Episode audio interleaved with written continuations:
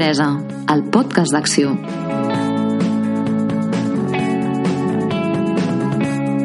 Què tal, com esteu?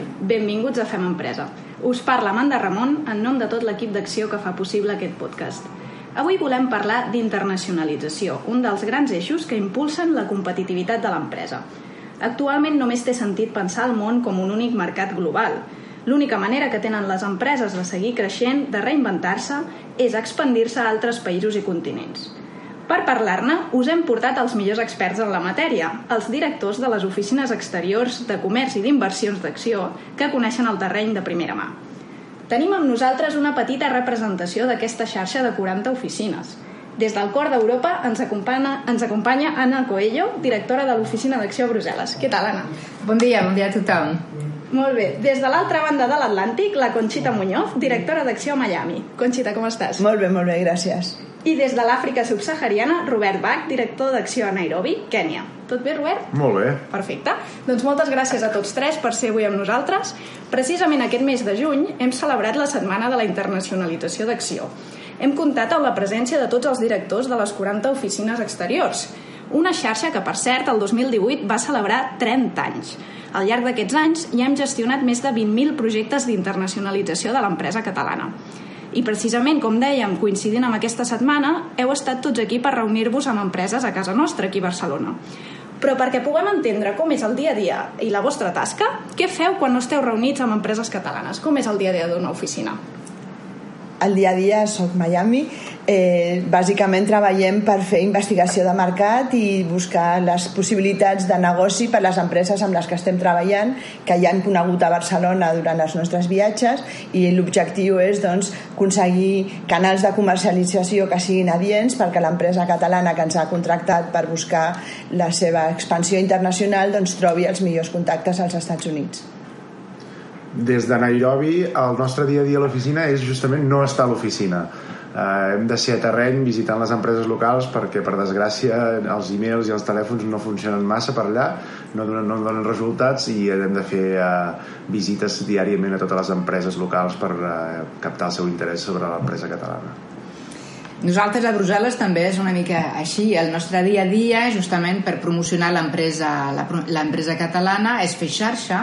Per tant, com des de Brussel·les portem tres països, portem Bèlgica, Luxemburg i Països Baixos, i totes les relacions també amb la Unió Europea i la captació de fons de la Unió Europea. Per tant, el nostre dia a dia, quan no estem amb les empreses, és molt d'anar a visitar els project officers que treballen a les institucions europees, els potencials proveïdors en els diferents països i, a més a més, com cobrim a tres països, pues, tenim sovint tot l'equip al terreny. Uh -huh. I com contacteu les empreses catalanes que tenen interès en els vostres mercats? Diguéssim, el primer pas no cal que jo, com a empresari català, viatgi, no? L'Skype segur que ens facilita molt les coses. Bàsicament, la sort que tenim és que tenim una estructura molt gran aquí a Barcelona, amb un equip de mercats internacionals especialitzats per zones geogràfiques i per sectors, i aleshores són ells els primers que contacten amb l'empresa, són ells els que, els que fan l'escrutini de veure per, quina, per quin mercat aquesta empresa coincidiria millor, i són ells els que ens els passen, aleshores si fem Skypes o venim a Barcelona i ens reunim, i a partir d'aquestes reunions podem decidir el pla d'actuació.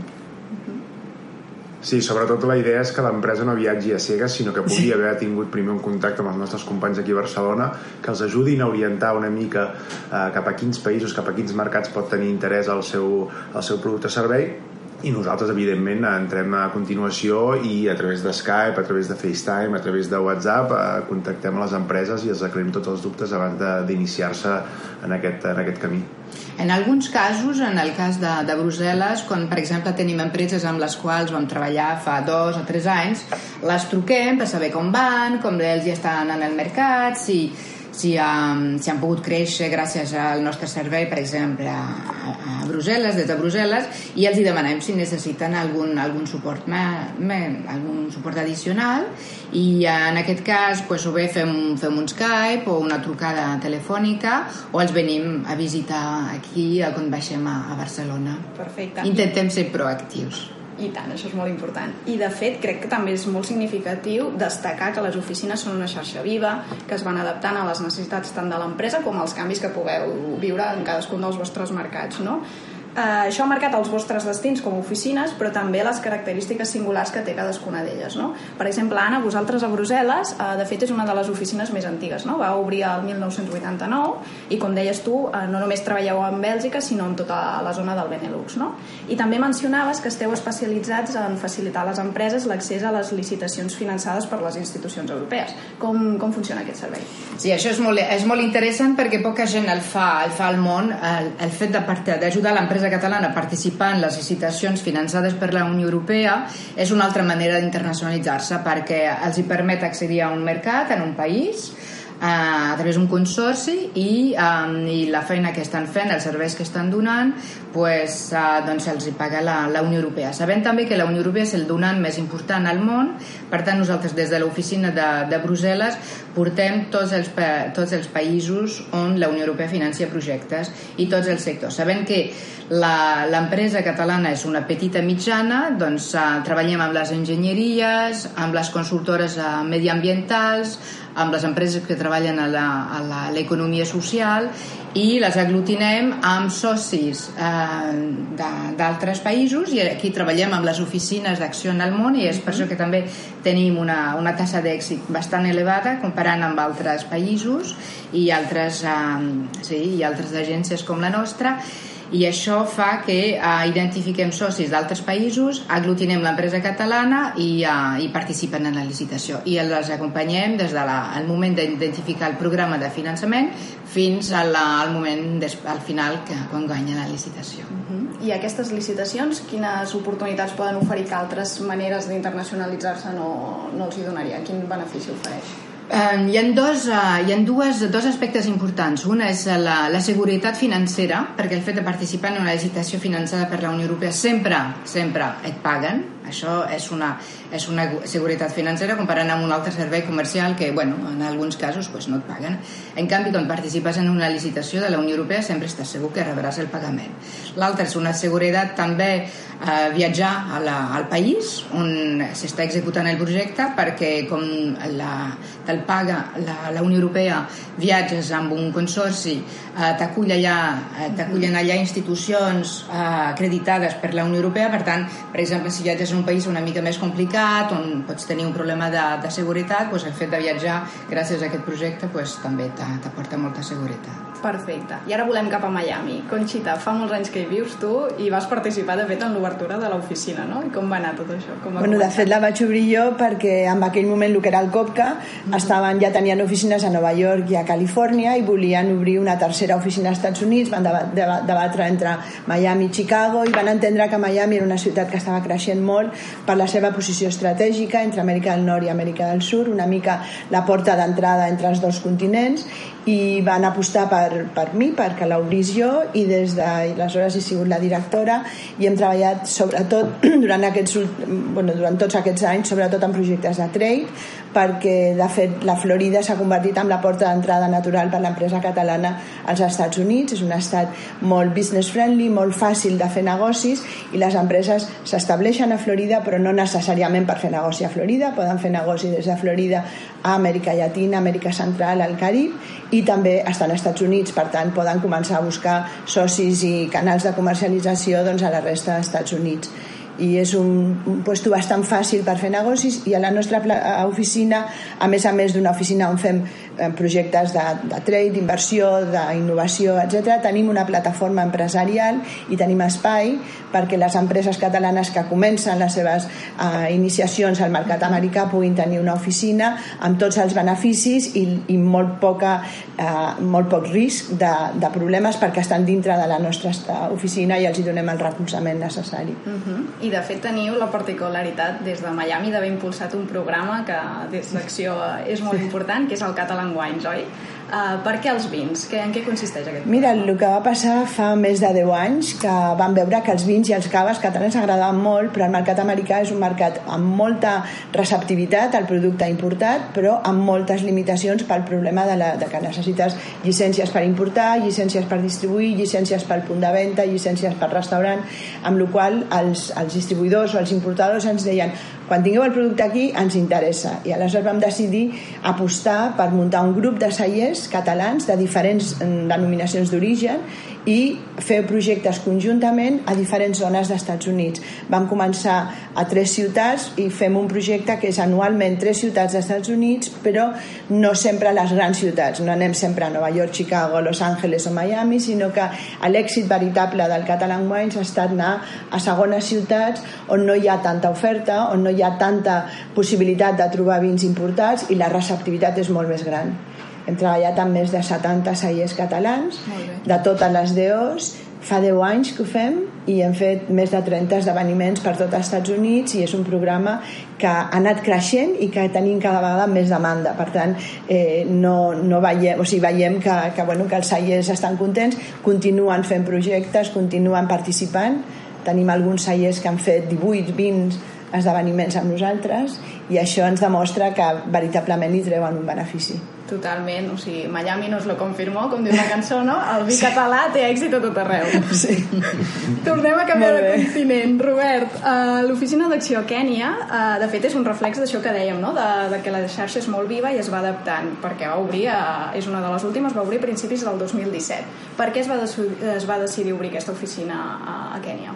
Com bé dius tu, el nostre mapa d'oficines és un mapa dinàmic i aquests darrers anys el que ens havíem trobat és que hi havia una demanda creixent per als mercats de l'Àfrica subsahariana i acció també per tal d'anticipar eh, el resoldre o poder acompanyar i, i acostar les oportunitats de negoci en aquests mercats emergents va començar a desenvolupar també una, una política de suport als mercats africans.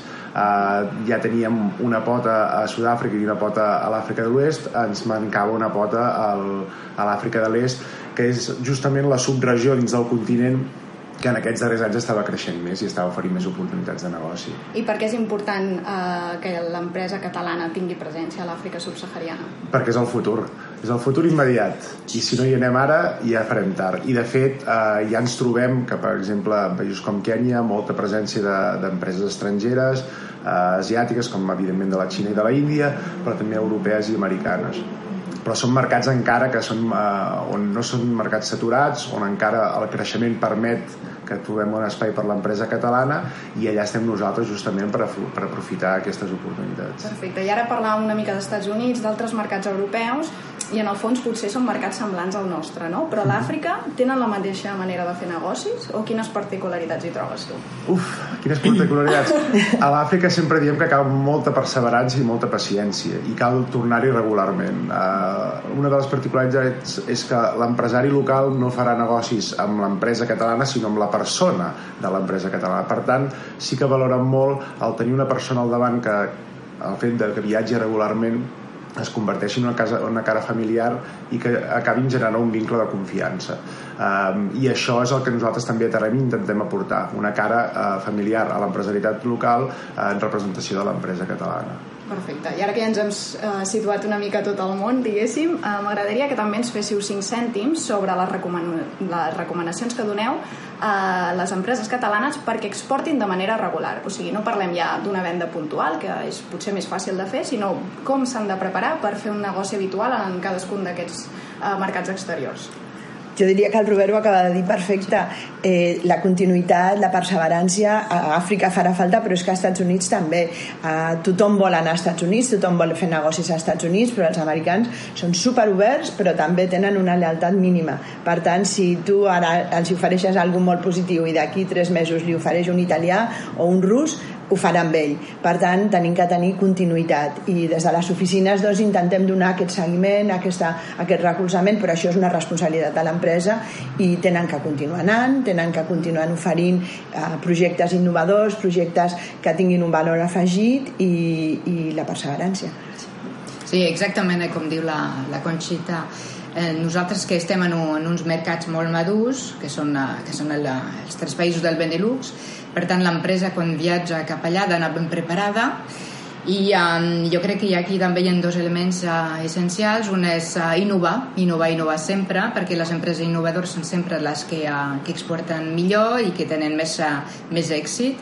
I de fet uh, volia afegir aquí que nosaltres tenim una oficina també a Exo una oficina a Amsterdam uh -huh. i aquesta oficina és especialitzada justament en temes de startups, en temes d'innovació i funciona molt bé.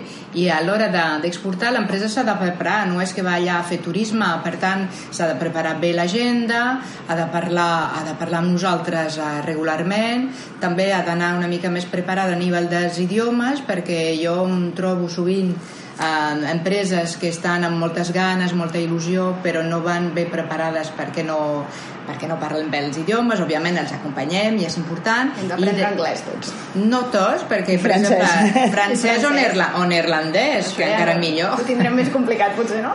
Però el que passa també, jo crec que aquí, eh, perquè l'empresa pugui ser exitosa, també ha de fer un bon seguiment, perquè, clar, nosaltres fem les agendes, les acompanyem i tot, però l'empresa després, eh, quan torna a casa aquí a Catalunya, pues, també ha de fer els seus deures i ha de, de fer el seguiment, contactar els seus possibles socis, els seus possibles proveïdors, coses i ha de, de, és important fer també aquest seguiment i insistim sempre amb les empreses. Com ho veus, Robert? Jo estic molt d'acord amb el que han comentat. De fet, la innovació eh, és un factor diferencial i crec que podem aprofitar que tenim una empresa molt innovadora a Catalunya per entrar en mercats africans que estan molt oberts a absorbir aquesta innovació eh, però hem de ser molt conscients que per també tenir èxit en aquests països no només hem de fer un producte innovador i diferenciat sinó ha d'anar acompanyat d'un servei en els mercats de l'Àfrica subsahariana sobretot, a l'Àfrica de l'Est que em pertoca a mi, uh -huh. uh, les empreses locals aprecien molt el fet de que tu només els has d'oferir un producte, sinó també un servei, un acompanyament, i et converteixes en un soci a mig llarg termini. Si l'empresa catalana és conscient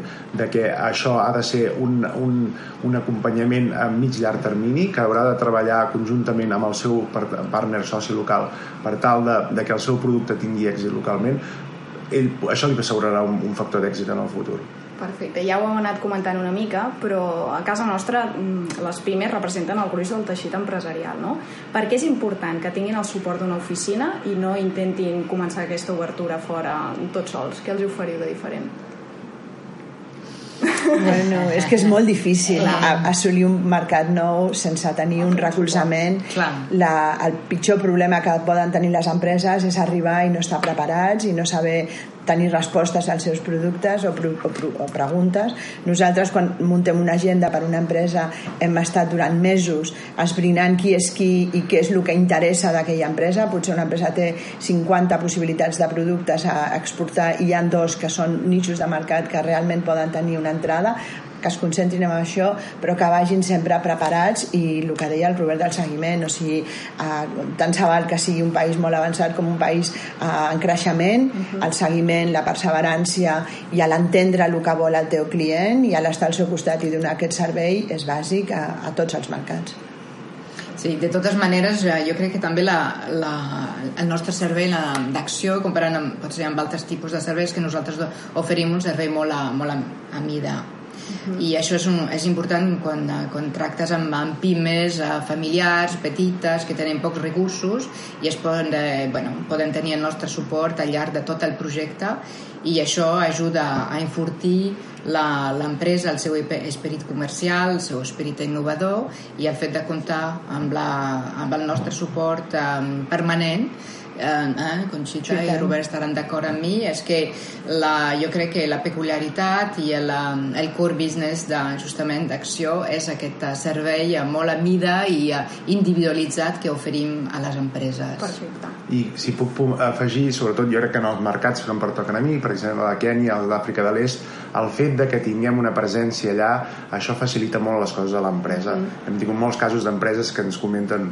ho hem intentat pel nostre compte, fent trucades, enviant e-mails per organitzar-nos un viatge i un cop arribem a, a Nairobi ens trobem que tot allò no ha servit de res. El fet d'estar localment nosaltres aporta un gran valor a l'empresa, perquè són mercats en què costa molt sense tenir presència física de poder materialitzar aquests contactes. Sí, sí. I finalment jo volia dir que nosaltres, per exemple, als Estats Units vam crear el servei aquest de coworking, de plataformes mm -hmm. empresarials i d'espai per a les empreses, precisament perquè el següent pas a tota aquesta feina de prospecció de mercat, si fa falta una implantació, nosaltres els donem un servei tant d'oficina virtual, que tenim moltes empreses empreses amb oficines virtuals que poden funcionar als Estats Units com amb espais físics perquè es puguin implantar. Perfecte, doncs moltes gràcies a tots tres per acompanyar-nos I els que ens escolteu, recordeu que al web d'Acció hi trobareu les 40 oficines exteriors que cobreixen més de 100 mercats. Si voleu contactar amb els equips de l'Anna, la Conxita i en Robert o amb qualsevol altra d'aquestes oficines, entreu a acció.gencat.cat barra oficines i trobareu un mapa amb totes les dades de contacte de cadascuna d'elles. I si no sabeu encara per on començar, entreu a acció.gencat.cat barra recomanador i en pocs clics podreu descobrir les oportunitats de negoci que millor s'adaptin a la vostra empresa. Per cert, recordeu que també ens trobareu a les xarxes socials, al Twitter, arroba acció barra baixa cat, així com a LinkedIn i Facebook. Moltes gràcies per escoltar-nos una vegada més i ens retrobem aviat. Salut i empresa!